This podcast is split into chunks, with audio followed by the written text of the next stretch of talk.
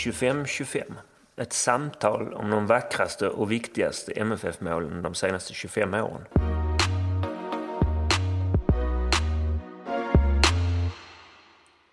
Vi som gör den här samtalsserien heter Tony Ernst och Henrik Zackrisson. all musik och alla jinglar är gjorda av Gabriel Ernst. Podden är klippt av Martin Ringstrand.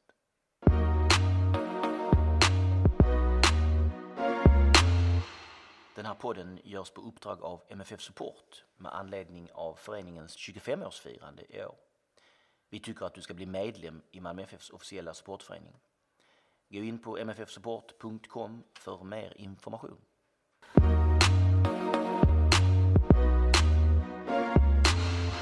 Mål 13. Peter Abelssons 2-2 borta mot Maccabi Haifa 2005.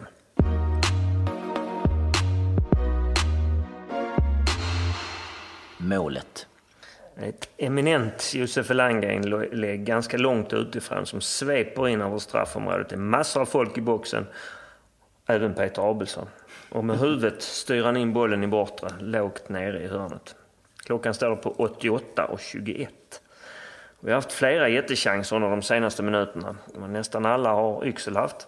Eh, Den bästa av dem som blev räddad av en Haifa-spelare på mållinjen. Det är faktiskt så att Yxel blir utbytt halvminuten före det här målet. Lite synd om honom.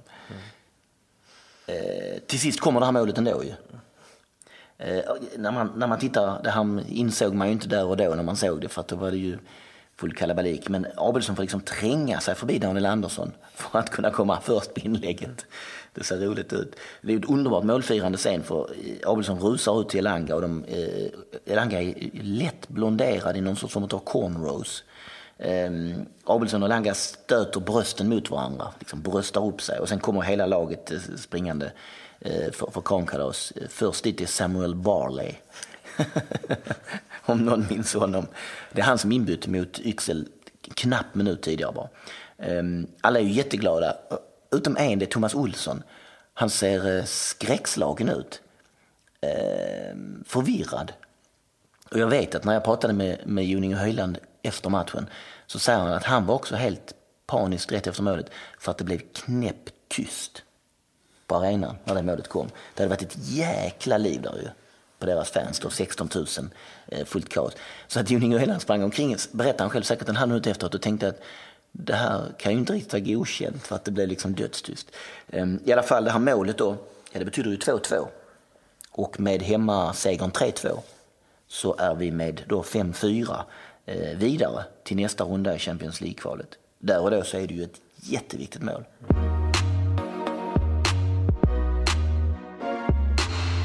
Tabelläget. Det är dags för segmentet där Henrik ska informera oss om matchens betydelse och kanske framförallt om var vi befann oss i tabellen och så vidare.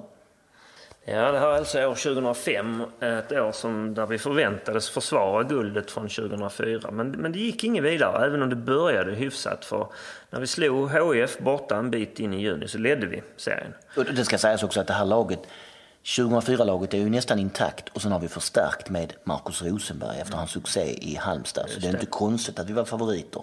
Nej. Och apropå eh, Rosenberg då, så är det han som ger oss ledningen i matchen efter HIF-matchen där i juni. Eh, när vi möter Djurgården hemma. Den, eh, tar ledningen med 1-0. Eh, går egentligen för tvåan och har chanser till det men de kontrar på en hörna och gör 1-1 och sen så gör de två sena mål och vinner. Det är en av de 3-1. matcherna som jag faktiskt fortfarande kan ligga och irritera mig på sent Ja, på när jag ska somna. Ja, där var vi värda ett bättre öde än 1-3. Och det är faktiskt sen Djurgården som tar över och vinner, eh, precis. vinner det året också. Mm. Det väl Daniel Sjölund gör någon lobb från halva plan i 95 eller något sånt där. Ja, den- han är, det- han är den dansken va? Sören Larsen som de får in. 2-1. Som Typ fem minuter kvar av ordinarie. Eh, Men i alla fall, när den första Maccabi-matchen spelas, hemmamatchen, då låg vi fyra med fyra poäng upp till Djurgården just som ledde då. Eh, Och det var alltså fram i slutet på juli. Mellan matcherna, då kryssar vi mellan Maccabi-matcherna, då kryssar vi mot Elfsborg, ligger kvar på fjärde plats men eftersom Djurgården förlorar den omgången har vi faktiskt bara tre poäng eh, upp till serieledning. Som Djurgården då delar med HIF och sen har vi två till Göteborg. Eh, 27 poäng på 16 matcher där och då. Eh, ganska dåligt, men vi var alltså fortfarande med i racet ju, om titeln. eh, när vi eh, reser till Israel. Efter Israel så av bara farten och, och stärkta av all denna framgång så slår vi Kalmar borta. Och då hade vi faktiskt bara två pinnar upp till serieledning. Det är lite märkligt det där, för så här i efterhand är det inte alls intrycket jag har. Jag har intrycket av att säsongen är helt över då. Men det är den alltså inte. Nej. Sen kryssar vi mot Assyriska och ÖIS. Förlorar igen mot Djurgården borta. Eh, chansen till guld försvinner. Eh, däremot inför slutomgången så låg vi trea. Så förlorar vi hemma mot Hammarby. Ja. Med en värdelös laguppställning. För alla är skadade och jag minns att vi får ställa upp med typ Raues Lawan och Daniel Sliper som bärande spelare. Ja. Så både Hammarby och Kalmar också som vann sin match i slutomgången. De smiter förbi. Eh, vi slutar femma. Det är ganska lätt att dra paralleller till 2015 där vi liksom inte heller riktigt lyckades hålla i. Eftersom eh, det ligger ett mastigt Europaspel och liksom stör. Nu var det inte mastigt här direkt kanske men fast dock det störde. Ja, f- fortsatte ju en bit in även efter Maccabi-matchen ändå. Va? Men, men, ja.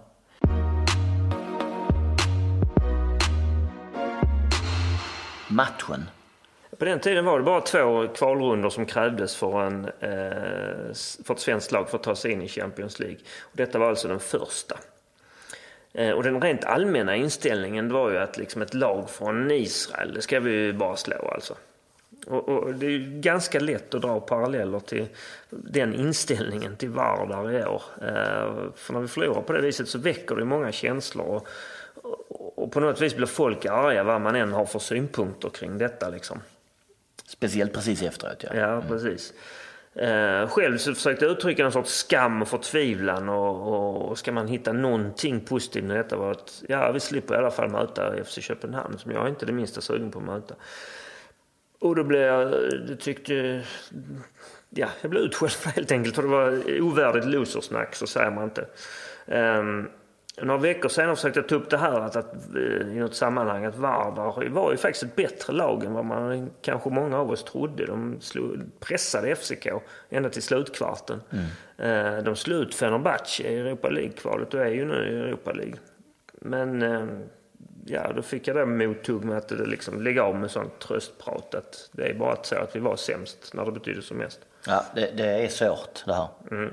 Det finns inget rätt liksom. Nej. Men det här är ju trots allt ett möte som vi vinner. Eh, ja, I alla fall då. Matchen. Eh, Just det, matchen. Eh, 1-0 till dem efter 10 minuter. För tidigt.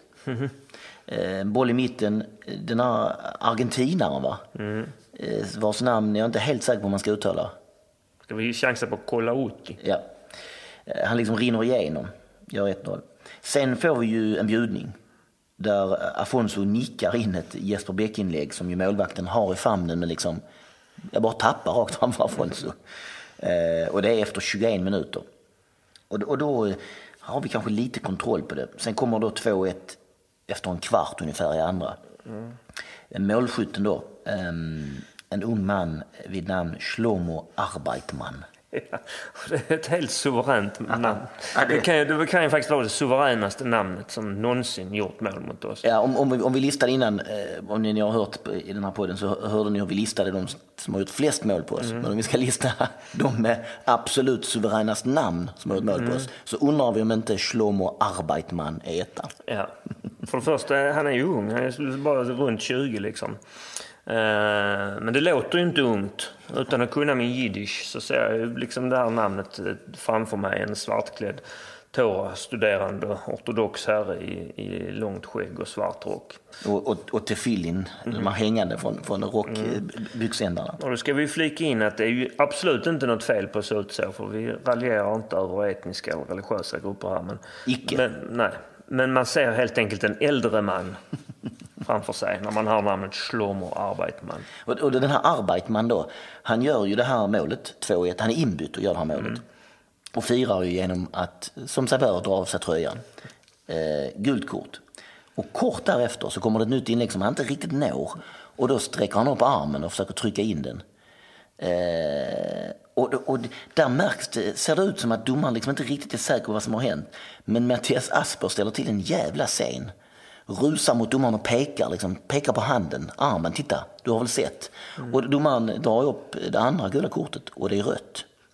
Ehm, och, och där är det märkligt i, eh, inte live, jag såg ni på plats, men i tv-sändningen som man kan se i efterhand då nu, den ligger på Youtube. Där förstår inte kommentatorerna detta. Så medan Arbeitman går bakom MFFs mål och liksom är utanför plan och får gå ut och sätta sig någonstans så sitter de fortfarande och pratar om att, som om ingenting har hänt, liksom, innan de till, till sist inser att vänta nu här, varför sitter Arbeitman bredvid plan? Jo, han är utvisad. Shlomo, vad hände? Ja. Och, och därefter så pressar ju vi. Fullständigt ju. Vaskar fram massa chanser och till slut då i 89 praktnicken på Elanga-inlägget. Och jag, jag måste säga att det här är en av de konstigaste matcher jag har sett. Den kändes konstig där och då, när man, när man, när man såg den på plats. Eh, planen var liksom oerhört snabb. Det gick knappt att få tag på bollen. Eh, och, och, och, den kändes konstig där och då och den känns ännu konstigare när man ser om den. Vi är alltså rätt så utspelade och de är mycket bättre än oss och har alltså 2-1. Um, ehm, vi, vi, är liksom inte riktigt på plats. Mattisson är skadad, går sönder på sista träningen, kan inte spela. En rätt så rostig Thomas Olsson får spela istället. Daniel Andersson är febersjuk, spelar på smärtstillande. Jari hoppar in men Jari Littmannen har inte tränat eller spelat match på länge, länge och inte liksom speciellt bra. Eh, Anders Andersson är ju med men får gå ut och blir skadad. Så att den enda rör alltihopa. Ser darrigt ut. Och så kommer den där utvisningen då i 17 minuten och då förändras allting. Eh, I och med den olycksalige Shlomo Arbeitman. Eh, Haifa drar sig tillbaka helt fullständigt. Står med alla man hemma. Släpper liksom allt spel, allt de har för händer bara. Rusar hemåt. Våra anfall börjar 10-15 meter utanför deras straffområde och ser ut ungefär likadana allihopa. Sista 10 minuterna så Daniel Andersson eller Littmannen en boll ut antingen på vänsterkanten till Elanga eller till högerkanten till Höjland och de matar in bollar där vi trycker in fler och fler folk. Um, och när vi sen gjort 2-2 så är det så konstigt för de varken orkar eller vågar gå till motattack. De, de, liksom, de anfaller inte ens.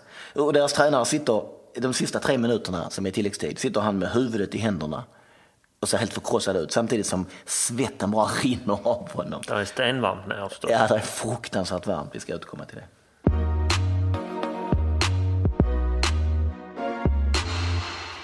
Målskytten. Peter Abelsson, eh, honom köpte vi sommaren 2004 i samband med att Majstorovic försvann till Basel. Då hade Abelsson varit i Trelleborg sedan 99 och det var ett väldigt skönt köp på det viset för han var ju alltid en sån som var i vägen när vi mötte Trelleborg annars liksom.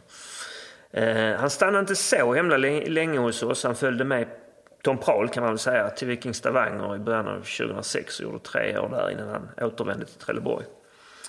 2013 la han av på elitnivå. Vi hittade här att han mm, i år, det meddelas att han, inte, att han vänder åter till moderklubben Flerohopps Goif.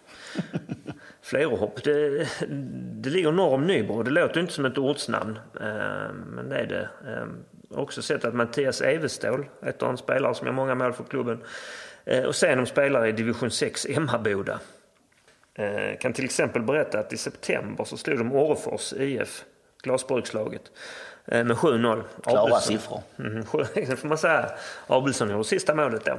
Mm, och den videon låg uppe någonstans som man kunde titta på. Ja. Eh, inte ett nickmål som man kan tro, utan han har följt med upp i anfallet och, och placerar in den rätt snyggt i bortre. Eh, Abelsson fyllde 40 i somras. Och noterar man, när man kollar upp honom, att han heter Peter Ivan Abelsson. Mm -hmm. Och det är ju lite avet och kul och på något vis passande kanske. Mm -hmm.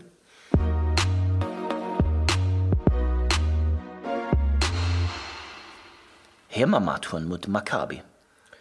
Det var upp och ner. Till slut vinst. De gjorde 1-0 direkt, eller 0-1 direkt. Eh, Yxel kvitterade efter en halvtimme och sen gjorde de 1-2. Återigen tungt psykologiskt, var just innan paus.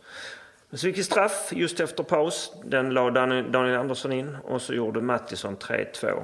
Sista målet i matchen, halvvägs in i andra halvlek. Jag var inte där.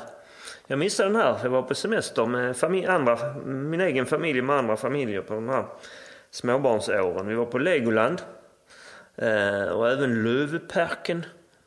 Eh, som faktiskt ju då har en del andra djur också än bara lejon. Jag försöker tänka mig, mobiltelefonen måste ha funnits för att jag minns att jag skulle smsa till dig. Ja, jag, ja. jag vet att jag sitter på en restaurang och får. Ja. Vi var inte på Löveparken just när det spelades. Okej, okay, för, för, att jag minns att jag smsade dig typ efter 50 sekunder 01 och det jag får tillbaka är, ja men vad fan. Eh, jag var ju där. Jag minns det som att jag tänkte eh, att de var nog rätt så bra de här, men att inte så himla bra. Att det här kommer säkert att gå vägen. Um, och, och, så minns jag att jag tyckte att 3-2 var ganska bra.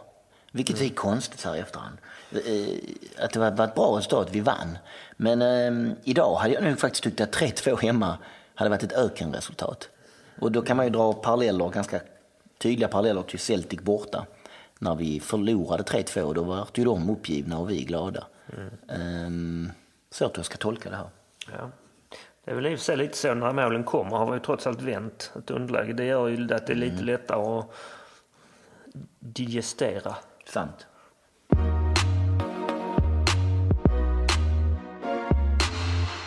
Josef Elanga. Det är Josef som slår inlägget till det här målet. Josef kom inför säsongen 2000, va? Mm. när vi låg i superettan. Eh, gör sen sin allsvenska debut i premiären då, året efter mot AIK hemma. Mm. Då spelar han en hel del mittfält ju. Vänster mittfält innan han sen flyttas ner och blir vänsterback. Vi köpte honom från Apollon Kalamrias på Cypern. Han hade väl landslagsmeriter? Ja. Kamerunska landslagsmeriter ja. redan då? Ja. Eh, han stannade fram till 2005 då vi efter säsongen sålde honom till Brönnby. Men där blev det inte en, eh, någon succé. Eh, han står antecknad för 23 matcher på tre år för dem. Det verkar inte vara riktigt ordinarie. Mm. Sen kommer han ju faktiskt tillbaka 2010 och då gör han 10 matcher det guldåret. Det har man inte riktigt intrycket av, av att han har. En del inhopp. Men han, han spelar till exempel hela matchen från start när vi slår Trelleborg hemma med 2-0 eh, hela matchen när vi slår Brommapojkarna hemma med 2-1. Eh, och Ricardinho är inte ens på bänken så jag undrar om inte han är skadad då. Ehm, och det har man lite grann glömt bort faktiskt, hans, hans insatser under, under det guldåret. Eh, så det betyder att han har två SM-guld hos oss. 2004 och 2010. Och han är ju faktiskt en av våra bästa vänsterbackar under de här 25 åren. Den näst bästa vänsterbacken kan vi väl säga, efter Ricardinho. Han var ganska rörig som människa. Vi har ju den där misshandelsdomen som vi, som vi ehm, har pratat om eh, tidigare. Ja, och sen var det någonting med att han körde bil utan körkort var det någon gång och, och han, det var någonting med missade träningar och höll inte tider och sånt också. Um, men han är fortfarande väldigt omtyckt i, omtyckt i MFF-kretsar för sina insatser här. Jag minns en bortamatch mot Elfsborg 2012 mm, när vi eh, fyller hela kortsidan och han, han bor i Boråstrakten, eller har, gjort i alla fall i den perioden. Och då lotsar eh, Patrik Jandelin bort honom till klacken så han står framför dem och så kör hela klacken i Langaramsan. Um, Gör han då det där dykartecknet att allting är perfekt? Kommer inte ihåg. Um, jag följer honom, vi är kompisar på Facebook och där, eh, på Facebook heter han eh, oförklarligt nog Jo Le Baobab. Bobab. Jag vet inte vad det ska betyda. Han eh, delar mest nyheter om Kamerun och dansvideos. Han gillar att dansa. Mm. I alla fall, mitt finaste minne med honom är i Turkiet. Eh, lite senare efter den här matchen när vi har eh, gått vidare och de möter Besiktas. Vi vinner 1-0 borta i Uefa-cupen. 2005 alltså. Eh, som ju kom då efter eh, Haifa och sen efter Thun. Eh, och då bor jag på samma hotell som laget. Jag är nere där och, och rapporterar för svenska fans. Um, uppe sent efter den matchen. Jättesent. Eh, ehm, ehm, kan inte skicka texten från egen dator utan får åka ner i lobbyn och låna deras dator. Klockan är säkert fyra, fem på morgonen. Alla sover. Men när jag sen står och väntar eh, och ska åka upp med hissen upp, några våningar upp till mitt rum så kommer Josef gående utifrån då, som att han har varit ute, i bara ett par små tunna shorts. Inga skor, ingen tröja. Eh, och verkar inte tycka att det är det minsta konstigt han är helt iskall och bara, hej Tony. Och sen åker vi ishopp tillsammans. Jag minns att jag låg och fnissade och liksom så bubblade av skratt åt det i sängen innan fram till jag somnade. Det kan vara varit badet då? Ja, jag vet faktiskt inte. Han kom utifrån, det fanns ingen pool på hotellet. Det är, ja, mitt, det är mitt i Istanbul. Ja. Uh, I alla fall. Bad? Ja, hammam, ja. Klockan 4.30 på morgonen. Han delade ju tydligen alltid rum med Juninge Höjland. Men vänsterback och högerback då delade alltid rum på alla resor utomlands och i, var de nu, Eh, om vi hade bortamatch i Allsvenskan.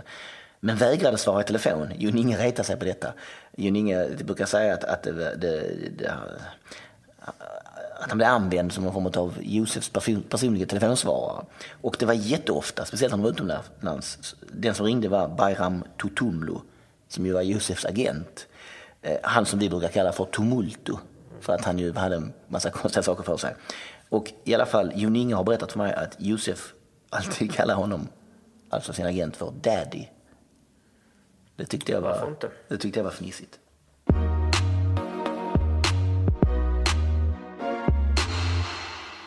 På plats, Peter Abelsson. Kommer du ihåg det här målet? Det hoppas jag. Det på vilket mål du ska prata om. Eh, Det handlar alltså om eh, ett rätt så viktigt och tungt mål nere i Israel. Eh, 2-2 mot Maccabi Haifa.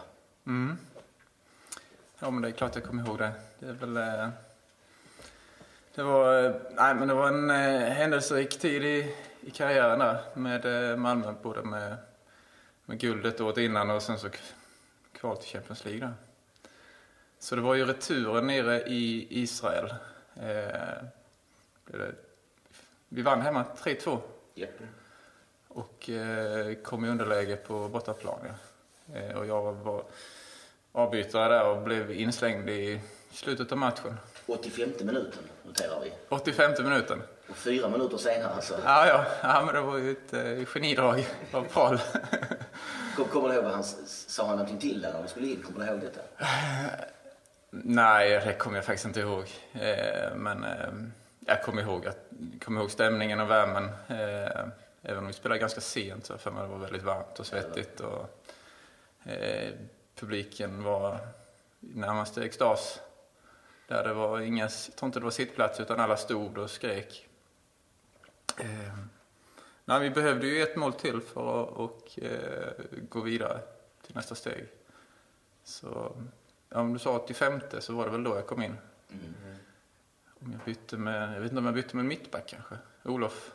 Jag tror det är Olof som går ut ja. Men, men du, går, du går inte in som mittback kan man säga de här minuterna. Nej, jag blev ju inslängd som forward där. Eh, vi började väl få lite mer. De spelade med tio man där i slutet och eh, jag tror vi började få en del inlägg och skapa en del hörnor. Så det var väl, eh, jag skulle komma in och försöka nicka in någonting.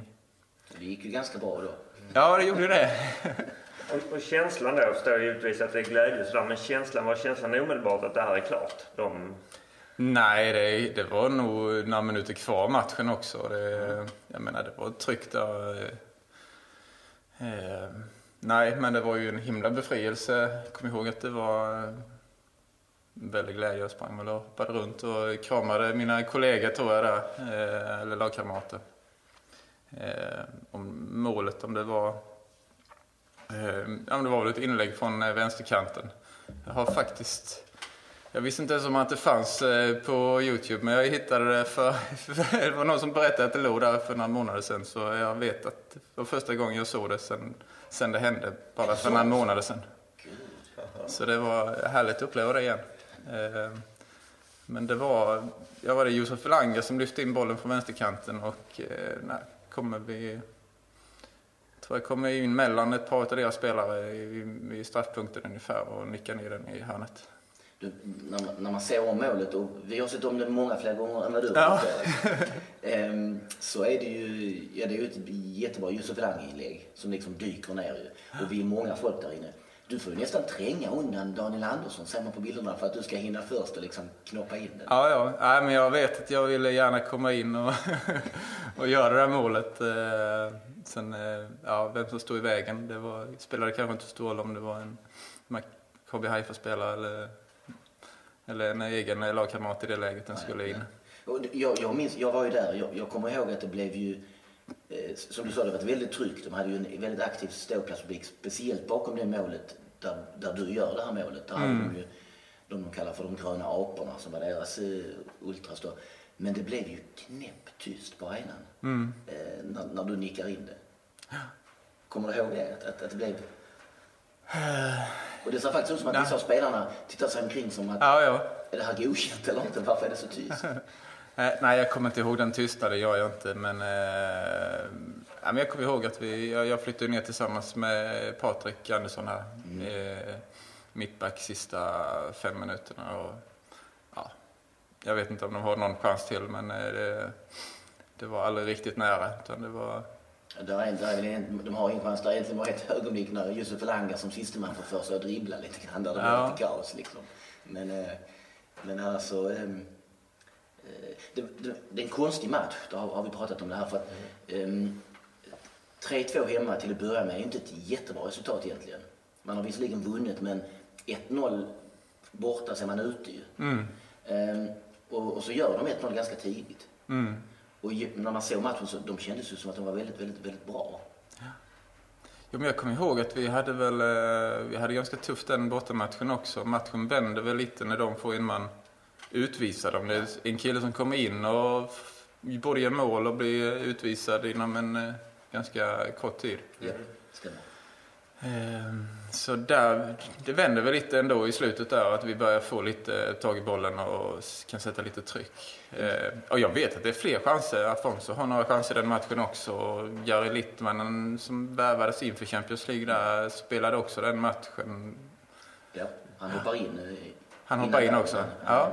Och Yxel har två, tre jättechanser precis innan du gör ditt mål också. Mm. Eh, Men, men, men det är liksom en konstig match, inte bara för det, för att de är väldigt bra. Och sen får ett, vårt 1 mål är ju jätte, en bjudning när Afonso får den av målvakten. Och sen gör de 2-1 men så sliter han av sig tröjan och får gult kort och sen så något inlägg senare så sticker han av handen och blir utvisad. Ja, ja. Eh, och sen sista 20 minuterna, precis som du säger, då är det plötsligt som att det är lite typiskt ett sånt lag. De backar hem med alla man och hoppas att de ska kunna freda sig. Liksom. Och då är det vi som har bollen och kommer ganska högt upp. Och jag antar att det är därför Paul byter in där. För att, Som du sa med inlägg och så vidare. Men det är också ett konstigt lag vi har här 2005. Det, det där guldlaget för 2004 är lite på väg att falla sönder. Littmannen får hoppa in men är inte tränad. Patrik Andersson gör en av sina allra sista matcher innan han skadar sig. Thomas Olsson lirar kvar fastän han är Mm, Anders Andersson är väl också... Ja, precis. Ja, det är många, mycket sådär, spelare på väg ut och in lite grann. Eh, Samuel Barley kommer in, en del konstiga spelare på plan. Så det känns Niklas Skog var inte med den matchen eller spelade Nej, han? nej Niklas Skog var eh, skadad och borta hela den eh, hösten. Eh, Så det är ju visserligen Afonso. Han är ju, den där Jesper Bäck, det är liksom ingen riktig fason på det på något vis. Eh, Så att det känns närmast som ett mirakel när du dyk, ditt huvud dyker upp och dyker in den där. Ja. Ehm, Upp, upp, upp. Va? Vad var frågan jag ville ha? Jo, upplevde man detta, för, för, för så kändes det utifrån, upplevdes det inne i gruppen också att det var en rätt så rörig period? Här hösten 2005. Ja, men det var väl mycket. Jag vet inte, var det Royal League också? Just det, det var det. under där. Alltså det var mycket spelande efter. eh, Och sen så var vi i, vi var i Turkiet också och spelade EFS, EFS eh, den här kuppen där som vi vann också. Just det, tidigt på, på nyåret liksom. Ja, så det, det var ju spelschemat måste ju varit, det gick ju ett, jag kommer ihåg att det var liksom inget eh, break egentligen efter allsvenskan slutade utan det, Royal League började ju redan efter någon vecka där, eller ett par veckor och sen, sen eh, började ja, kvalet till Champions League och allting. Eh, och Marcus Rosenberg anslöt väl till, till truppen också men hade spelat med Halmstad om det var ju något kval i Europaspel eller, eller han fick inte vara med i de här Champions League-matcherna. Nej, Marcus var ju såld på sommaren. Han var såld på sommaren. Ja, så vi, vi hade ju lite otur därför att anfallssituationen såg ju otrolig ut innan säsongen. Med Afonso, Skog och Marcus Rosenberg som ju var skyttekung i Halmstad. Men innan det kvalet började så är Marcus såld till Ajax. Mm, Ajax. Och, och eh, Skog har slått sönder axeln eller vad det är och är borta. Så det är egentligen bara Afonso. Och det är Ja. därför Jesper Bäck kommer in. Just det. Mm. I, Som värvas in som en form av nödlösning får man nästan Ja, säga. ja. Eller så kändes det. Jag ska inte säga att det var en nödlösning men det var så det kändes utifrån. Och det var det här också, det var ju det här stora guldlaget 2004. Man lyckades inte riktigt upprepa det 2005. Nej, den eh, säsongen var väl eh, sisådär. Eh, men vi hade ju ja, ändå en del framgångar där med, efter säsongen då. Men ja, det, det höll inte en, en hel säsong 2005 och det är möjligtvis vi var lite slitet lag och ett lag som till viss del föll sönder då som vi sa att spelare försvann. Om, om man ska prata lite grann om, om, om din eh, karriär i Malmö FF. Du, du kommer in på sommaren 2004 från Trelleborg. Det är ju som en ersättare till Daniel Majstorovic får man väl säga. Ja, han lämnade ju då och eh, nej, men jag hade väl bra säsong bakom mig i Trelleborg och tidigare också där jag var lagkapten i Trelleborg. Men Trelleborg var ju ett bottenlag det året i Allsvenskan eller låg, låg under kval eller låg i botten och Malmö var med i toppen där. Så det, klart att det var liksom en... Malmö hörde av sig eh, och eh, frågade kring intresse där. Att det är klart att det, det lockade att få, få spela för Malmö. Eh, samtidigt som man eh, kände ett stort ansvar mot Trelleborg också eftersom jag var eh, kapten där. Och, ja. Men eh, jag vet att jag diskuterade en hel del med mina lagkamrater också innan jag själv tog beslutet. Eh, och det, ja, det är inget beslut jag ångrar. Utan det, nej, jag är fantastiskt glad att jag tog det steget också och, och eh, fick chansen att till, spela för Malmö här. Ett, Va- par- va- ett par år. Var det ett svårt eh, steg? Alltså var det, man tänker träningar och sånt, märktes det liksom att det här var en annan klubb? Ja, men det är klart att det är stor skillnad på klubb. Eh, både ja, men massmediala trycket eh, på och intresset. Intresset var enormt där 2004. Jag, vet, eh, jag menar, det var länge sedan Malmö vann guld också. och Nu var man med och krigade verkligen om guldet i toppen. Och det var stort intresse och fullsatt arena. Så det var ju, på så sätt var det ju väldigt stor skillnad från eh, Trelleborg. Där man det är lite mer skyddad verkstad kanske. Och, Och visst är det så att det blir din debut. Du gör mål mot Halmstad där borta. Ja, eh, det är bortamatchen mot Halmstad ja. Eh, och ja, Marcus Rosenberg var ju skyttekung det året i Allsvenskan, eller en av dem i alla fall. Eh, han hade väl gjort, jag vet inte om vi låg under med 1 eller 2-0. 2-0. ja, 2-0, ja. Och jag menar det var ingen jätterolig debut. Släppa in två mål där på, det var i första halvlek eller så. Men jag kommer ihåg att jag gjorde ett ganska fint nickmål på en, på en hörna där.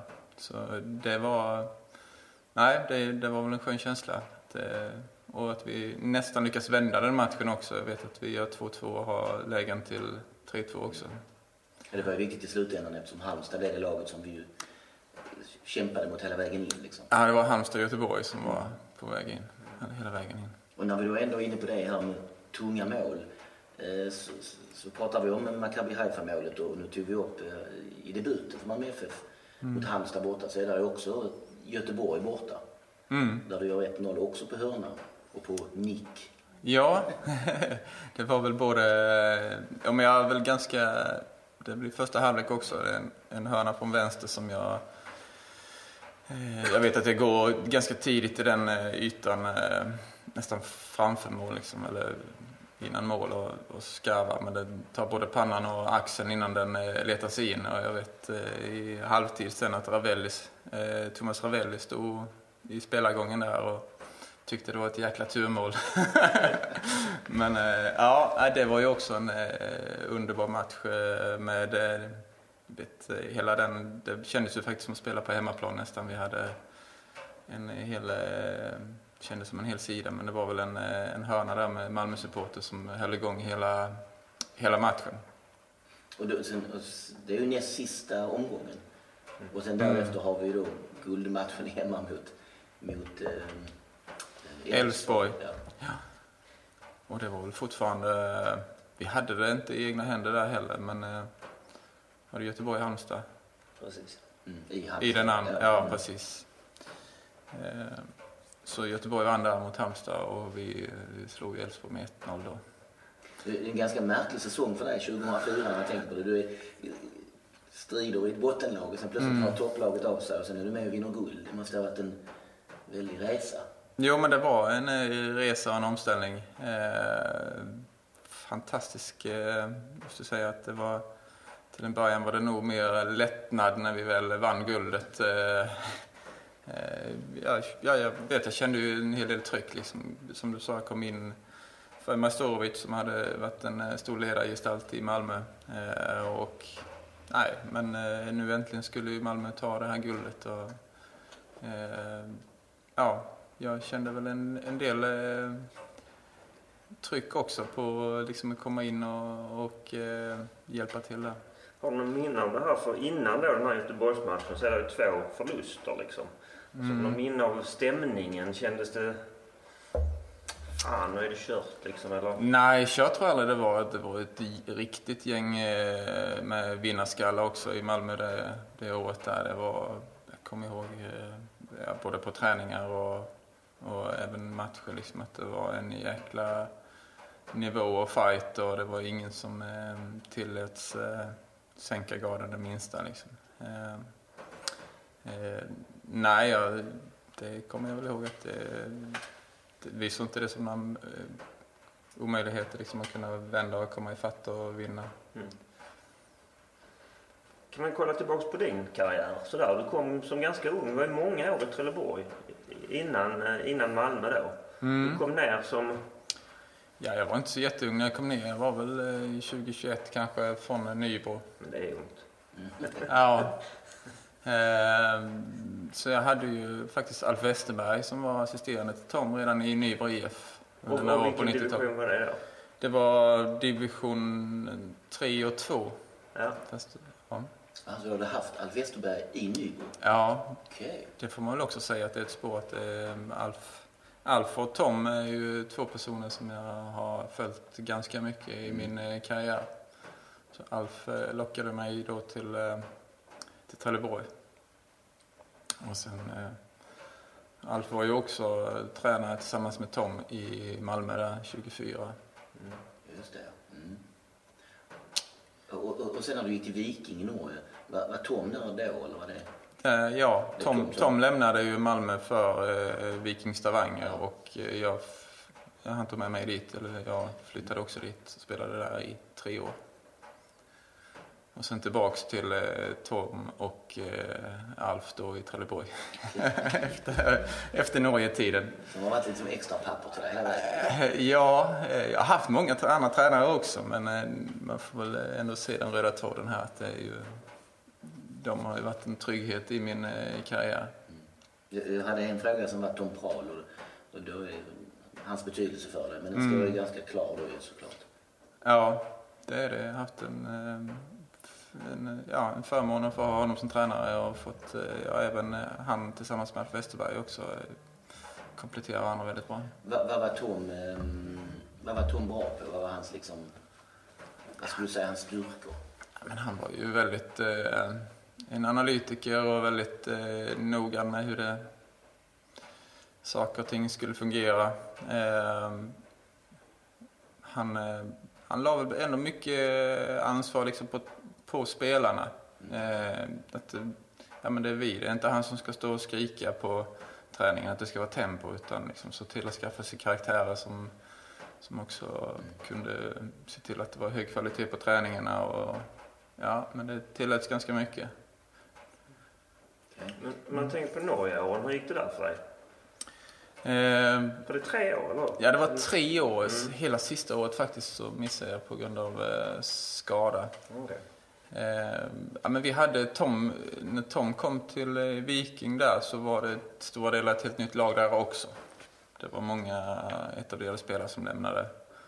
Eh, och eh, Eh, nej, men hade det tufft inledningsvis och sen så värvades Peter Idje dit bland annat. Eh, var fantastiskt duktig i Viking.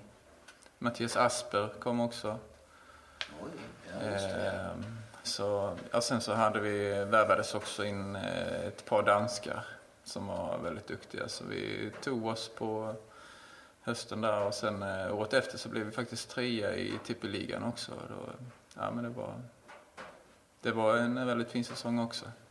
Och då fick du spela de här säsongerna innan du var skadad? Alltså. Eh, ja, andra året där så spelade jag inte så många matcher, eller lika mycket matcher. Första året spelade jag alla matcher tror jag. Och, och, och, sen eh, tillbaka till Trelleborg då. Eh, men, men du spelar fortfarande? Om man, eh, letar på nätet så kan man hitta att du fortfarande gör mål. Mm. Ja, men det är väl lite lägre divisioner nu. Nej, men jag ja, saknar ju fotbollen. Jag älskar fotboll, spelar fotboll framför allt. Eh, så jag har ju varit med i lite, ja men det har varit lite Old Boys, både Malmö FF Old Boys och spelat lite Kåpen och spelat lite ute i Hylje Old Boys. Eh, I somras så var jag hemma i min ja, där jag är uppväxt, ett litet samhälle utanför Nybro med några hundra invånare som har ett division 6-lag. Eh, där jag en gång startade karriären då. Eh, registrerade mig där för att kunna spela någon match där eh, strax efter sommaruppehållet. Då. Vi noterade att du gjorde 7-0 målet mot Orrefors. Derby!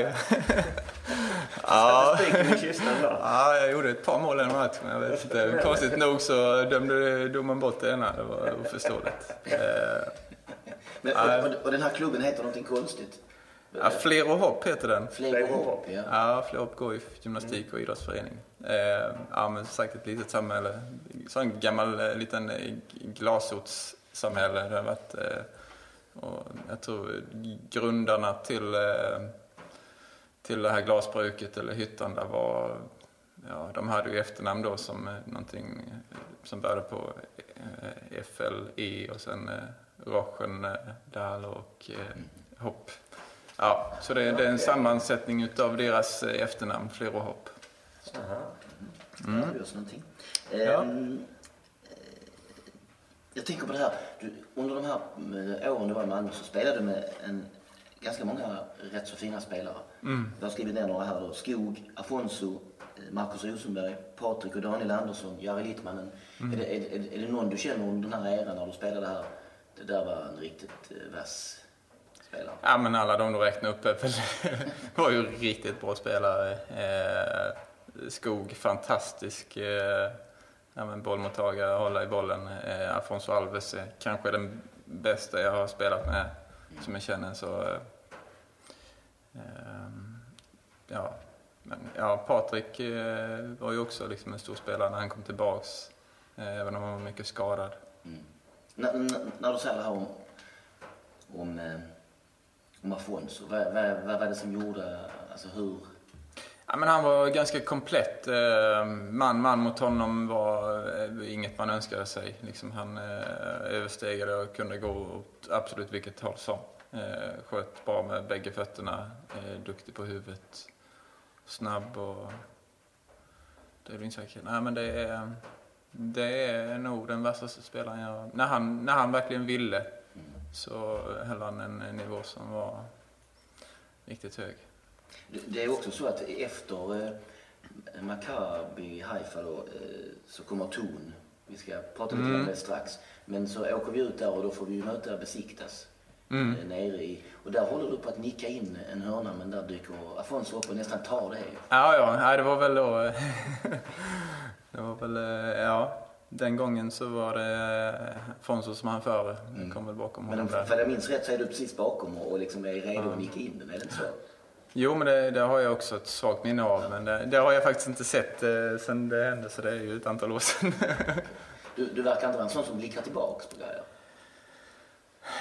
Jag vet, jag vet knappt att, Nej, ja, men det är väl klart att man äh, tänker tillbaks. Liksom, äh, men äh, ja, det är väl, jag saknar, jag har fortfarande liksom knappt några matcher inspelade där jag kan gå tillbaks. Jag tänkte jag skulle, innan jag om jag flyttar från Malmö en dag här så har jag tänkt att skaffa några, se om det är någon bekant som har några matcher man kan mm. eh, ha. Ja, den där guld-DVD från 2004. Ja, den hade ju varit ett eh, exempel ja. skön att ha.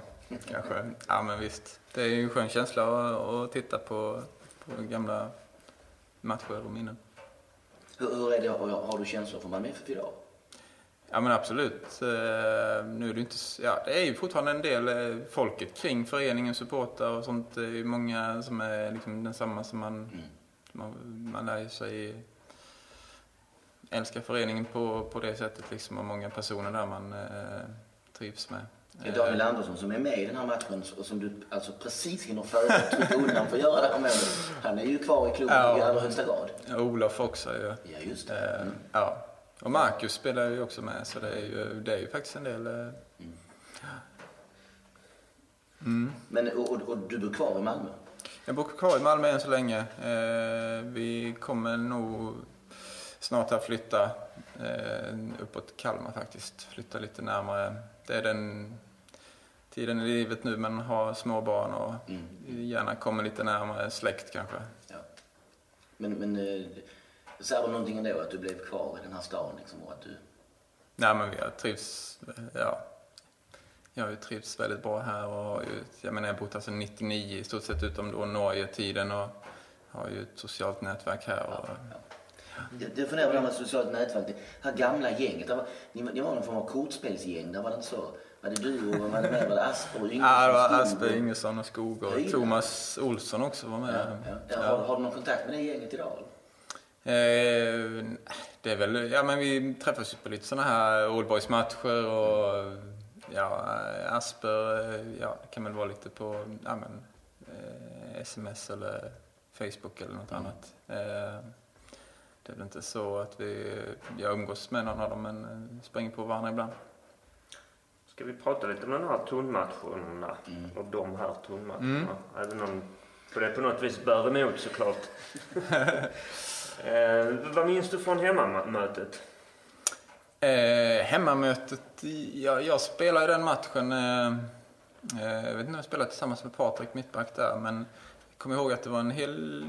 Jag hade lite folk borta. Med Pode, Marcus Pode började på topp. Ja. Jag vet inte om både Niklas Skog och Afonso är borta den matchen faktiskt. Afonso spelar, men Skog är ju borta. Skog är borta. Mm. Och det är flera av de sjukdomar på dagen. Det är, det är väldigt sargat lag. Är det. Ja, jag har lite för mig det. Marcus Bode var ju precis på väg upp då också. Ehm, Och han har väl de bästa lägena i matchen och skjuter något skott i ribban. Och jag tycker ton, den matchen var ju... Det kändes som vi var, ja, det, här, det här är ett lag vi verkligen ska slå. Och tyckte hemmamatchen ändå, även om vi saknar spelare så kändes vi ganska överlägsna den matchen. Och borde vunnit med ett par kanske. Och vi släpper in ett mål, billigt mål på något eh, långskott. Ehm, eh, och, nej, vi har väl väldigt goda förhoppningar eh, när vi väl åker ner där och möter dem på bortaplan att vi ska vända det här. Och, ja. Det var samma förhoppningar vi hade när vi körde. ja, jag förstår det. Eh, nej, det är väl någonting som verkligen eh, kan gräma en när man ser tillbaka. Liksom, att vi inte eh, nej, lyckades med ett bättre resultat på hemmaplan. Eh, väl där, där nere så kom vi underläge ganska snabbt och Torn var ett betydligt bättre lag än vad de hade visat på bortaplan också i den matchen. Eh, Vi kom väl aldrig riktigt nära. Har du någon sån här särskild som du har tänkt efter att detta gick fel? Förutom att de gör tidigt mål. Är det något sådär man... Nej, det är väl... Eh, nej, men liksom förlora med ett mål hemma eller eh, komma i underläge direkt på bortaplan. Där. Jag kommer inte ihåg. Nej, jag vet inte. Det kändes... När vi väl var där så kändes det aldrig som att vi, vi kom inte in i den matchen riktigt. Eller, ska, eller ja, de gick väl upp till 2-0 också. Då, då var det tufft. Ehm, tillbaks till den här eh, heta kvällen nere i, i, i Tel Aviv där matchen Mm. spelas. Ehm, det, det var en rörig situation. Jag, jag minns att jag träffade Tom innan på dagen och frågade om laget och så vidare. Och han visste nog inte riktigt själv hur han skulle formera det ens. Ehm, just för att det var många skador. Vissa spelare som Anders Andersson och Littmannen som kanske inte var redo för 90 minuter och så vidare. Ehm, men du fick reda på att du ska starta på bänken.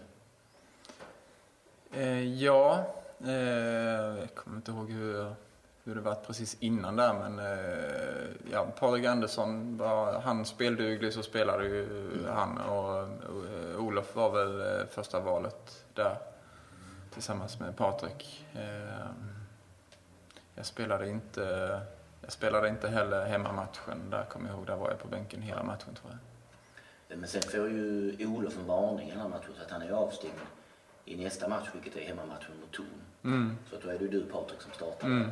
Och sen skadar sig Patrik. Precis, ja. I den hemmamatchen också. Men eh, den här matchen när du fick, hur, ehm, är, det, är det något speciellt att förbereda sig när man sitter på bänken? Speciellt som back, där tänker man sig kanske inte att, ja, att man ska få komma in. Eller? Eh, jag vet inte, jag har väl dels så i min karriär innan dess, innan jag kom kanske till Malmö, så har jag väl i stort sett alltid startat. Så det är klart att det var en eh, omställning att kunna hamna på bänken här, men eh, ja. Det, det var ju betydligt, eh, ja, det var tuff konkurrens i Malmö. Eh, det visste jag väl också när jag gick dit, men eh, Eh, nej, det var väl, jag har väl inga större problem egentligen med att komma in i matcher. Jag har ofta gjort det ganska bra, eh, just inhopp också. Men var du förberedd på den här eventualiteten att komma in på topp liksom? Nej, det var kanske lite eh, oväntat. Jag kommer inte ihåg, men ja. Jag är ju en... Eh, det är väl någonting jag ångrar lite nu efter eh, i min karriär. Jag, att jag inte var mer... Eh, att jag ofta höll mig liksom stående där bak i backlinjen. Jag känner väl att jag kunde bidragit mer offensivt. Jag är, en... Ja, har en, en bra avslutare både på huvudet och faktiskt med med fötterna också om man inte tror det. Det minns man ju från Trelleborgstiden att du, mm. du var bra på... Du var en sån som man irriterade sig på, som nickade bort alla bollar. så att, eh, men ehm, ja, och det, det, var ju under den här eran här så det var ju, du var ju... Du blev ju lite känd för att göra viktiga avgörande mål, speciellt med huvudet ju. De hade ju gått igenom. Ja. Men om, om, man då tar det här målet, um, skulle du säga att det är ditt viktigaste mål i karriären? Ja men det är det väl. Det är väl ja. Det är, nu när det inte räckte hela vägen till Champions League så det är klart att det, det hade betytt ännu mer om vi hade nått dit. Eh, men där och då? När den där och då så var det väldigt stort. Samtidigt eh, målen mot både Halmstad och Göteborg där i sista omgångarna i Allsvenskan var ju också väldigt viktiga för guldet. Där räckte vi ju hela vägen. Ja. Eh, det var ju skillnaden mot att inte gå till Champions League kanske. Så de var ju viktiga på olika sätt. Jag, jag kommer ihåg, för det var ju... Han fick stå och svettas i mixzon efteråt och så kommer alla spelarna. Du kommer som en av de allra sista gående över gräsmattan och för, för att bli intervjuad. Och det är ju det alla har väntat på. Det var någonting nytt misstänker jag ändå att, att eh, plötsligt var händelsernas centrum. Ja, det, det, var väl lite nytt. Jag har väl aldrig varit sådär jättebekväm med media så få en kamera upp i ansiktet. Eh, men eh, ja, det, ja, men det är väl kul. Jag gillar ju... Jag kan lära mig att gilla det. Mm, mm. Jag, jag, kommer ihåg att jag skriver något sånt om att eh, till sist kommer Peter Abelsson gående med världens största leende. Liksom. Mm. Du såg lycklig ut där, där och då. Liksom. Ja, ja jag, jag var väldigt lycklig. Det vet jag. eh, och jag kommer ju också ihåg eh, eh, hemresan. Vi, vi flyger faktiskt hem samma kväll mm. tror jag. Jag flyger med dig. Du flyger med. Jag, jag har ett svagt minne av det också. Eh, och jag kommer ihåg när vi landade, om det är Kastrup eller Sturup. Liksom. Sturup ja. Det är Sturup. Eh, och eh, faktiskt eh, det står ett gäng supportrar och sjunger i ankomsthallen eh, när vi närmar oss där. Det, det, är ju ett minne som, kan, eh, som sitter kvar. de stod och sjöng mitt namn där. Så det, det händer väl inte i Trelleborg så ofta. Nej, det gjorde inte det. Och, och, och, jag minns att jag frågade Tom Prahl på, på eh, presskonferensen efteråt, var, var, just det här att det var du som fick komma in och avgöra. Då trycker han väldigt mycket på det. Att det och det är väl typiskt Tom kanske också, men han, han trycker väldigt lika på det där att det, att det är härligt att det är en, liksom en väldigt lojal lagspelare som får komma in och avgöra en sån här match. Att det inte ska vara någon stjärna som Afonso eller någonting. Utan att, eh, och att han, han säger något sånt som att han eh, mer eller mindre nästan förväntar sig det. Liksom. Han, hade, han sätter in dig just för att du ska göra det, det, du, det du gör sen mm. Ja, ja, men det är jag ju tacksam för nu i efterhand. att han satte in mig och att han... Eh, ja, men jag har väl alltid känt att jag har haft eh, Toms eh, förtroende. Så han vet vad han får utav mig. Eh, och jag, ja, lojaliteten och liksom försöka, att försöka göra det bästa för laget har väl varit eh, en, ja, det, den, det som eh, personifierar mig. Mm. Jag tänkte på det du sa här nu också att du gärna, du ångrar lite nu så i efterhand. Jag vet inte exakt hur du formulerar men ångrar lite i efterhand att du inte gick upp mer kanske. Du känner att det hade blivit fler mål helt eh, Ja men det tror jag. Eh, mm. jag tar igen det nu på, när jag spelar lite Kåpen och Oldboys här. Då är jag mer, eh, startar kanske som back men eh, 70, procent av tiden så är jag nog eh, och snurrar runt motståndarens mål istället och försöker eh, och göra en hel del mål. Du, du är fortfarande ansedd för, för eh, vi har ju stämt av det här lite grann. Dels när man ser vilka mål man ska välja ut till en sån här grej. Och 100 av 100 MFF-supportrar och frågar har ju med det här målet. Mm. Det har väl att göra med hur det kommer och sådär. I slutet är vi på väg att bli utslagna och så dyker det upp där och så vidare. Mm. Um, Men du, du, du är också väldigt väl ansedd som bland, bland MFF-supportrar, som en spelare som man minns med glädje. Ja, det är ju kul. Eh, ja, det hoppas jag. Jag hade väl, eh, ja. Det blev ju väldigt bra liksom att vi, ja, men vi tog guldet och ja, men det, det hände väldigt mycket de åren och var fantastisk tid att vara med. Eh, sen så, ja men det är klart att det, det var lite, eh, jag hade väl några matcher där jag inte eh, lyckades prestera liksom. Jag, ja, så var det ju. Och det, trycket och uppmärksamheten på när man väl gjorde misstag var ju betydligt eh, större kanske i Malmö än, eh, än tidigare jag var van vid. Så. Men du Det var kunde omställning. acklimatisera dig till det ändå ju, visade det sig. Ja, men det har man väl. Man har ju fått eh, lära sig. ja. Va, va, har vi någon mer... eh, Nej. Jag tänker på vad... Vi, föl- vi följer varandra på Facebook. Jag noterar att du, du, du, du gillar att fiska, eller ja, men det gör jag. Det är, det är väl ett av de eh, stora... Ja, det är ju sällan jag hinner... Eller sällan jag kommer iväg nu, men eh, det är ju en frihet att komma ut och ställa sig bakom ett kastspö och försöka dra gädda eller havsöring eller någonting. Jag ska faktiskt fiska nu eh, till helgen här. Vi ska upp till Västervik och fiska abborre, eh, vilket jag ser fram emot väldigt mycket. Eh, men det är, ja, komma ifrån all eh, storstadsstress och eh, bara tänka på fiske. Det är eh, avkopplande. Ja. Men du är sån entusiast då att du tar på dig badarbyxorna ut i vattnet och kastar efter havsöring? Ja, jag har badarstövlar och kan åka iväg till Blekinge och så, men eh, nu blir det, det blir inte så ofta. Med småbarn där hemma så är det, eh, har man inte riktigt samvete att sticka iväg en, en hel dag som det krävs kanske. Det är stor skillnad att stå i ensamheten någonstans och fiska öring jämfört med att knoppa in 2-2 för Malmö FF i Champions League-kval. Ja, nu har jag ju tyvärr inte så många möjligheter kvar att- spela inför de eh, publiken eller så som man gjorde på den tiden. Så nu, nu får man finna eh, ja, andra höjdpunkter i livet.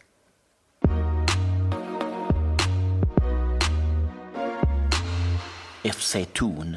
Ja, det blir alltså vårt motstånd eh, i nästa omgång, den sista omgången inför gruppspelet. Eh, schweiziska laget FC Thun som hade slått ut Dynamo Kiev. Lite oväntat ja. Jag minns det som att eh, jag är ju med nere i Israel och ser den här matchen och står med laget på flygplatsen och innan vi går på planet ska flyga så är Tom i, direktkontakt på telefon med, jag tror det är Alf Westerberg faktiskt, som har åkt ner och tittat på den sista matchen.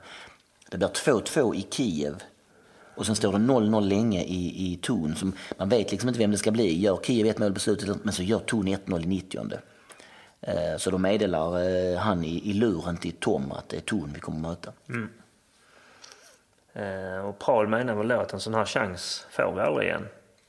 Och den allmänna känslan var ju samma igen som vi pratade om innan. Det här med israeliskt motstånd och vardag, Att de här ska vi bara slå.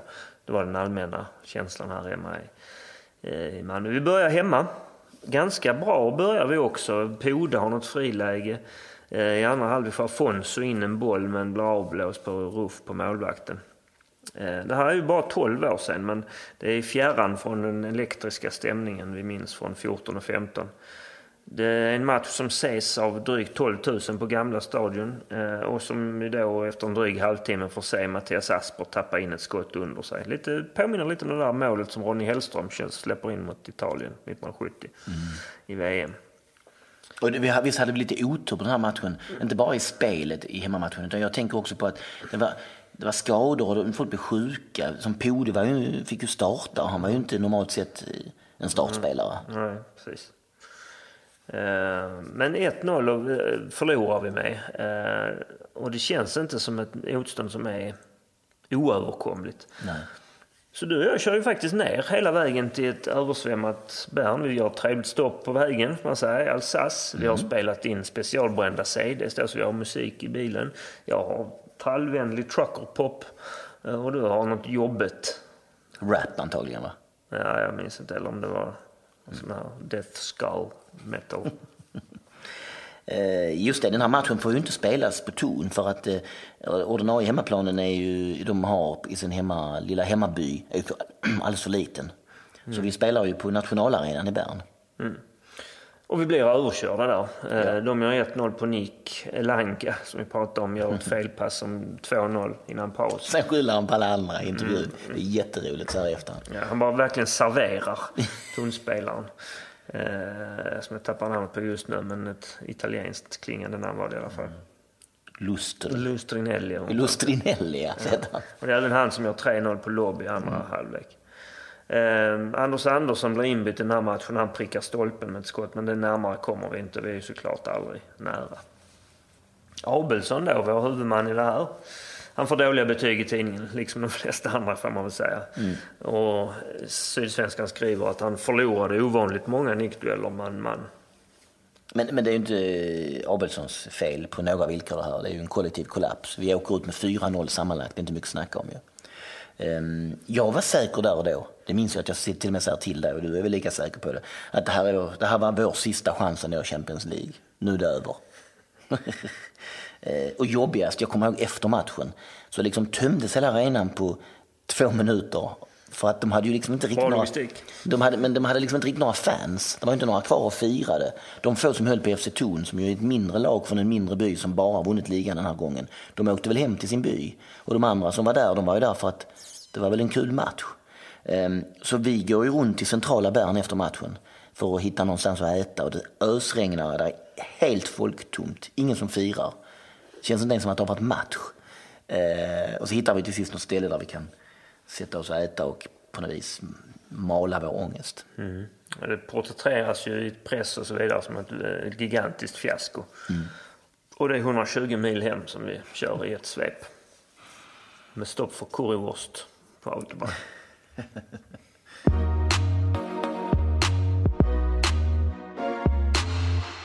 Kluriga frågan. Ja, vi är här igen. Det är dags att ställa en klurig fråga till en Henrik som inte har en aning om vad det ska handla om. Eh, vi slår ut Maccabi Haifa i den här matchen i och med 2-2.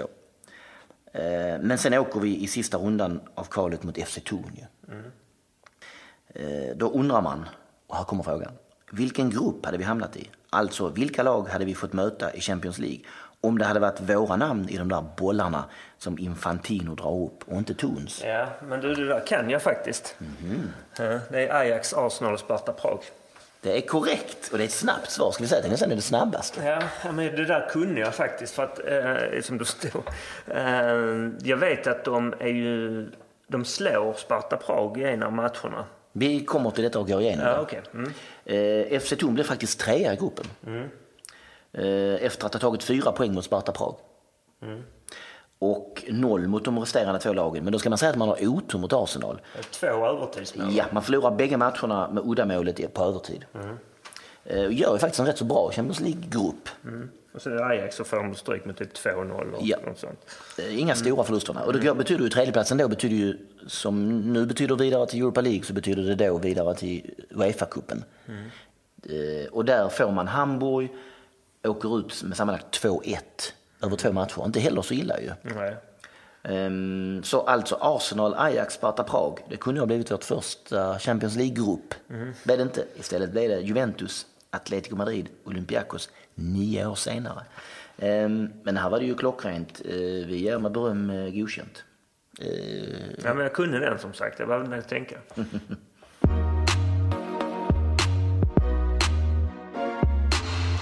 mer om målskytten. Ja, vad har vi mer om Peter Abelsson? Peter Ivan Abelsson. Han blev alltså inbytt i den här matchen i den 85 minuten och sen avgör han i 89. Det är ju ett rätt så jävla bra inhopp får man säga. Mm, han är helt enkelt inbytt där på topp för att knappa. Ja, jag ser det. Man tar ut Olof Persson, går ner på mm. trebackslinje och eh, Abelsson har en enda uppgift. Det är att när det matas in en inlägg ska du vara först och trycka in den. Um, jag minns honom som en väldigt sympatisk människa. Tillbakadragen, lugn och trygg. Ja, men lite småländsk. Och han var ju från Nybro så att eh, han gjorde tre allsvenska mål hos oss varav, då får man säga, två av dem oerhört viktiga, tunga mål. Vi har ju dels 1-0 målet borta mot Göteborg 2004. Mm. Där när sen Thomas Olsson skjuter i bomull till 2-0. Vi har ju 1-2 målet i upphämtningen borta mot Halmstad 2004. Där Rosenberg först har gjort ett, både 1 och 2-0 till, till Halmstad och sen så kommer den här nicken återigen på hörna. Mm. Och sen gör Afonso på ett litet konstigt frisparksmål. Nej, det är inte att han springer igenom på kanten på något konstigt vis och Nej, skjuter mellan benen. Jo men det är en frispark först som han liksom skjuter i muren, sen får han tillbaka den, sen rundar han muren på något konstigt vis och sen Han skjuter dålig vinkel. Ja, vad hette den där målvakten i Halmstad? Lite... Jag, jag ska Conny inte- Johansson? Ja, jag skulle, säga, jag skulle bara precis säga, jag vill inte vara taskig, men kanske lite lätt överviktig. Det är bara en illusion. Du vet, det, ja. Mm. Conny Johansson, ja. Kändes inte riktigt som en supermålvakt. Ehm, var är vi? Peter Abelsson. Tunga mål där. Och sen gör han ju ett mål till. Vi sa tre mål. Det är inte lika tungt. Det betyder 4-2 hemma mot Sundsvall 2005, där när vi vinner 6-2. Och det är inte nick. Nej, det bollen liksom dimper ner och så rafsar han in den. Eh, han tar ju SM-guld med oss 2004. Ehm, Ehm, jag minns träningslägret i Turkiet 2005 på våren. När vi har åkt ner i Antalya. Då har jag åkt med ner som någon form av eh, reporter från Svenska fans. Och det åkte även min granne med. Han som under den tiden, jag kanske fortfarande, går under benämningen den skogstokige grannen. Jag vet att Tom Prahl fortfarande kallar honom det. Sist jag eh, träffade Tom så frågade han, hur är det med den skogstokige? Ehm, eh, vi var där nere tillsammans då. Ehm, och eh, någon gång eh, under den här resan då, eh, när det är ledig tid vid poolen eller vad det är, så sitter Abelsson med ett korsord. Och då frågar han liksom lite rakt ut sådär, någon som kan det här, fyra bokstäver, gammalt ord för polishjälm. Och då svarar Johan, skogstokegrannen, direkt, rappt alltså, kask. Vilket då är det rätta ordet. Och då minns jag att Abelsson blev orimligt imponerad av skogstokegrannen. Som att, shit, kunde du det här?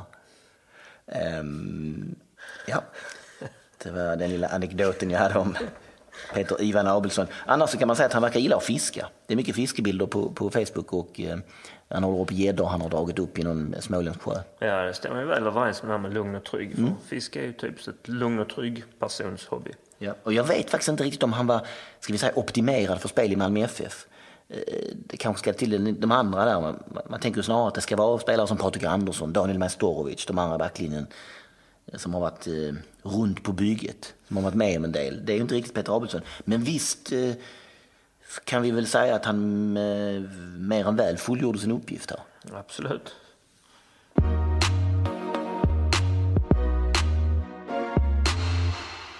Matchminne från Sverige.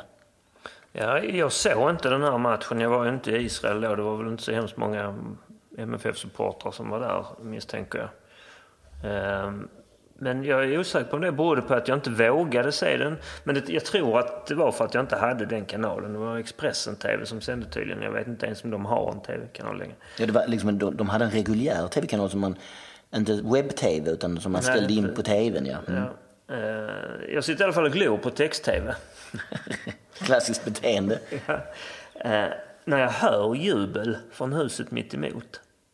Jag hör att det jublar, jublas och jag tänker, man vet ju inte, det kan vara någon som fyller år eller så. Men eh, då, eh, det är ju lite fördröjning på text-tv, men det dröjer väl en 30 sekunder. Sen plingar det upp då. plingar det upp, eller Abelsson, plingar det två, 89. två. Det ändrar sig liksom.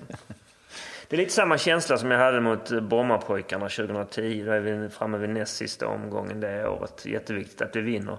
Jag jobbar sent. Eh, innan jag sticker från jobbet så vet jag att det står 0-0 i paus. Så cyklar jag då hem genom stan. Eh, och när jag kommer längs Regementsgatan så hör jag att det jublas från husen. Och det är ju för att Åbyn hade nickat in 1-0. Den matchen eh, såg jag och eh, mina ungar på ett hotell i Boston. För vi var i USA. Och där var det... mm, Där var man, där var man, nej, vi gjorde faktiskt en bra sändning, men man var förtvivlad där. Och jag minns att man, han byter ju in Åbyn bara några minuter innan. Mm, det, det stämmer kanske. Ja, och då minns jag att jag, jag och ungarna liksom, varför tar du in Åbyn? Han har aldrig gjort mål och kan inte göra mål. Så direkt efter nickar han in 1-0. Ja. Mm. Och det blev så småningom 4-0 då. Ja. Ehm, Men det är ju sådana här stunder som man cyklar genom stan och hör jublet och sådär. Att det, det, det, sådana stunder, trots att jag inte ser matchen, är inte där och liksom sådär, så känns det ändå som att laget, det är extra mycket. Det är ett med oss som bor här. Liksom, klubben är i stadens fundament på något vis. Det är härligt. Ja. Och jag då är helt uppfylld av det som pågår fastän jag varken ser det eller upplever det. Det enda du har är liksom- det lilla plinget på, på text-tvn. Men, men, Ja, eh, precis. För annars, det är inte alltid, eller är ganska ofta jag undviker att se bortamatcher på TV för jag tycker det är för jobbigt och för nervöst att se. Så ut och gå eller kanske till och med jogga under tiden istället. Ja vänner, då är vi framme vid det här då att Henrik ser ju i princip alla hemmamatcherna. Vi har stått bredvid varandra i många år och, och, nu gör vi inte det längre men vi, han ser alla matcherna. Och bortamatcher åker vi på och ser ofta tillsammans. Du ser kanske inte riktigt fullt ut lika många som jag gör. Och, och de du då inte ser, de, de längsta bortamatcherna då, de ser du ju inte alls. Ofta är det så ja. Ja, och det är ju... Ofta, ja, mitt intryck är att du inte riktigt klarar av det. Eh, alltså du orkar inte se på det. Ja, det är för jobbigt på TV. På TV.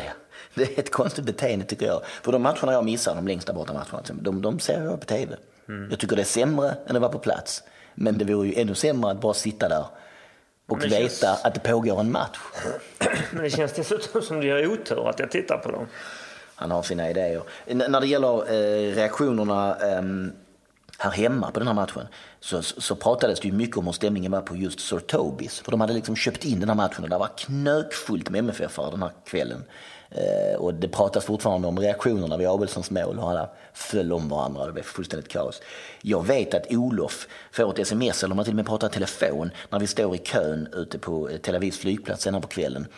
Eh, av, av kompisar då, han är ju härifrån liksom och är, är verkligen Malmö. Eh, av vänner som har varit på Sotobi som har skrivit om att du fattar inte vilket kaos det var på det här stället. Och, och han berättar för de andra mm. typ att, att Sotobis har, har vält av, av, efter Abelssons mål.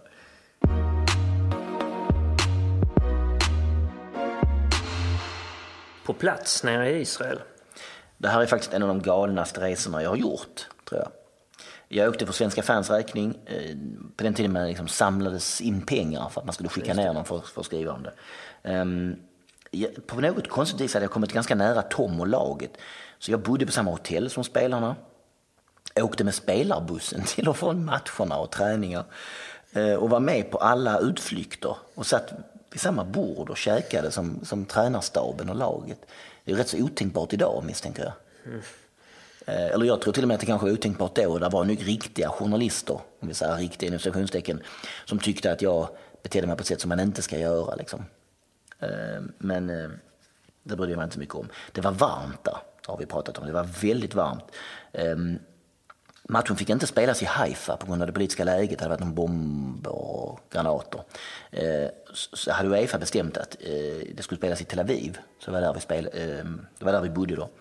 Jag minns en utflykt till Jerusalem med beväpnade makter. Eh, Josef Elanga stoppar in en eh, önskan, en önskan han har skrivit ner på papper som han har rullat ihop eh, i, i klagomuren. För det ska man göra när man är där. Och där stod det eh, Maccabi Haifa 0, Malmö FF 1. Eh, sen minns jag att jag bjöd Tom Prahl på en falafel. Eh, han hade aldrig ätit det. Det var så förbluffande så jag gick in i någon butik och bad om två falaflar, bara bollarna bara. Och så gav jag han en och tog en själv. Eh, och sen sa han när han hade ätit, på sitt typiska pralska maner, liksom det här lite torra, Eh, som man inte riktigt visste vad man hade. Eh, Ernst, det ska jag inte glömma, att du bjöd mig på min första falafel. Ehm, vi såg ehm, Mea Sharim, Olivberget, Klagomuren, Jaffaporten, liksom en stor utflykt med buss som var anordnad för vår. Och kom till Jesu grav, där jag har varit både tidigare och, och, och senare. Och där Josef Alanga fick något eh, religiöst sammanbrott nästan, ringde hem till sin mor på mobilen och hon bad honom att be och sen fick han frågan av någon annan journalist vad han, vad han bad om, medan han grät, det här ska man inte skratta om eh, alls. Och medan han grät så berättade han att han bad för world peace. Det är ju bättre än för Maccabi 0 om man ja. Um, sen var det roligt för när vi sen stod vid platsen, vi var liksom eh, bortlutsade vid platsen på Jesu korsfästelse, så viskade Lee Baxter till mig, crucifixion? Alla Life of Brian alltså? Exakt. Uh, Lee Baxter var för övrigt en riktigt trevlig prick. Jo, matchdagen. Det här är lite märkligt. Matchdagen så får jag en intervju med Tom. Han brukar inte göra intervjuer på just matchdag, men det fick jag. Och då utspelar sig följande meningsutbyte som jag har hittat i min dator. Det här är ju ett tag sedan. Då säger Prahl, eh, jag hoppas att vi kan göra en sån här match som man kommer att säga, den där matchen där nere i Tel Aviv. Då fick vi verkligen ut allt och det var ingen som blev ängslig och rädd, utan vi gick in och krigade ner dem. Det är en sån jag har väntat på nu i fyra år. Eh, vi har gjort många bra matcher i Allsvenskan, men jag menar något extra. Och jag tror på det. Det borde dyka upp någon gång. När gjorde Malmö en sån djävulsk hjälteinsats sist? Jag vet inte. Där man liksom överraskar allmänheten. Och då svarar jag honom, det är väl Inter borta 1989? Och då säger Paul, ja, då har du en sån match. Eh, den här är väl inte på riktigt samma nivå, men det kommer att krävas en bra insats för att klara det här. Det är lite kul att läsa nu efteråt ju. och det har han ju på något vis rätt i. Jag satt på pressläktaren under match. Där var ju en egen sektion för MFF och jag skulle uppskatta att vi var 25-30 personer på plats. Men så vitt jag vet var det inte mer än en handfull som var verkligen MFF som hade rest från Malmö. Utan det här är eh, någon form av svenskar som bor i Israel. Är inte riktigt säker på att de är MFF heller, utan bara mm, okay. svenskar. Liksom. Jag sitter på pressläktaren och när vi gör 2-2 så reser jag mig upp och springer omkring och skriker. Det gick liksom inte riktigt att hålla sig. Och alla andra journalister där, det är mest israeliska journalister, blir svinförbannade. Och två stycken AK5 beklädda vakter kommer fram till mig och ber mig lugna mig.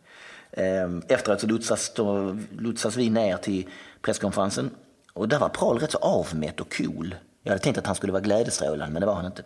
Ehm, och sen så lotsades vi över planen förbi eh, bortasektionen, eller hemmasektionen menar jag, alltså eh, bakom mål på kortsidan. Där eh, Maccabi Haifas fans höll på att packa ihop sina flaggor och allt de hade. De kallade sig för de gröna aporna.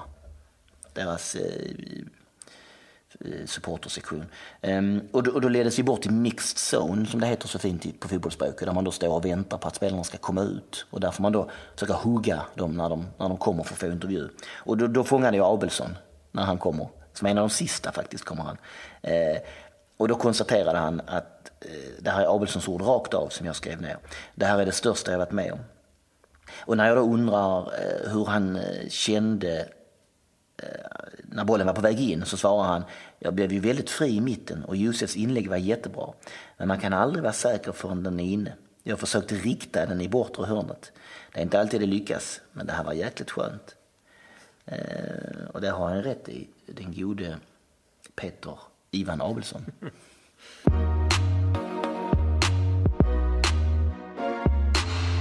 Motståndare. Shlomo Arbeitman, ja vi måste återvända till honom. Vilket namn! Shlomo Arbeitman. Suveränt som sagt. Han spelar fortfarande. Han är 32 år idag. 32 alltså? Ja, han, han känns ju väldigt ung. 20 där. Ja, han känns ju väldigt ung. När han, min stora bild av honom är när han sitter, när man ser det på tv, där han, han sitter liksom på en stol. Han är inte utvisad från arenan utan han sitter och kan se matchen. Då sitter han där som du säger, skönlockig och, och, eh, och ser eh, förtvivlad ut. Stackarn. Eh, han har varit i flera israeliska klubbar och idag är han i Maccabi, ett annat Maccabi-lag, Maccabi Peta Tikva med reservation för uttalet. Han verkar inte vara ordinarie där eh, om man tittar på Soccerway. Han var i Belgien en sväng 2010-2014. Först hos Gent, sen på lån till Westerlo och sen på lån till Mons och till sist permanent i Mons innan han återvände till Israel. Han är ju för evigt ihågkommen hos oss. Eh, för sina insatser i den här matchen. Det är eh, en riktig eh, drama mm. han är med om. Grekiskt, som ser ut till att bli en... Verkligen en... upp som en sol och ner som en pannkaka. det, det kan inte så grekiskt. Nej, så vet jag inte det viset, men... men det känns ju som att det är på väg att bli en, en, en komedi, men det blir en tragedi för honom. Um, inbytt, gör mål, får gult, får ett andra gult, utvisad till sist då syndabock. För, för två liksom väldigt dumma förseelser. Det är ja. liksom inte två nödvändiga fällningar. Ja, och den liksom... första kan man väl ta. Han gör 2-1 och de är då vidare i Champions League. Då kan man få slita av sig tröjan. Men då får man ju inte på ett inlägg som är alldeles för långt försöka boxa in den med handen. Det är ju oförsvarbart. Mm. Jag minns ju Pral på presskonferensen. Det här är min allra första fotbollspresskonferens. Så jag visste inte riktigt hur man skulle bete sig eller vad man skulle göra. Eh, då, då sitter Prahl och är, väldigt samlad och han börjar prata om Shlomo Arbeitman. Att han eh, på väg till presskonferensen liksom passerar i deras omklädningsrum och då sitter Shlomo Arbeitman, man vill ju säga hans namn hela tiden nästan. Mm. Då sitter Shlomo Arbeitman utanför Maccabis eh, omklädningsrum och gråter. Oj ve, oj ve. och, eh, och Prahl säger där på presskonferensen, ja så här är fotbollen, ena sekunden är det glädje, andra är det sorg och rätt så bister. Ja. Eh, ja. Men, eh, det är ju bittert för Shlomo såklart. Men... Han fick ändå en karriär, eh, proffs i Belgien och spelar fortfarande. Mm.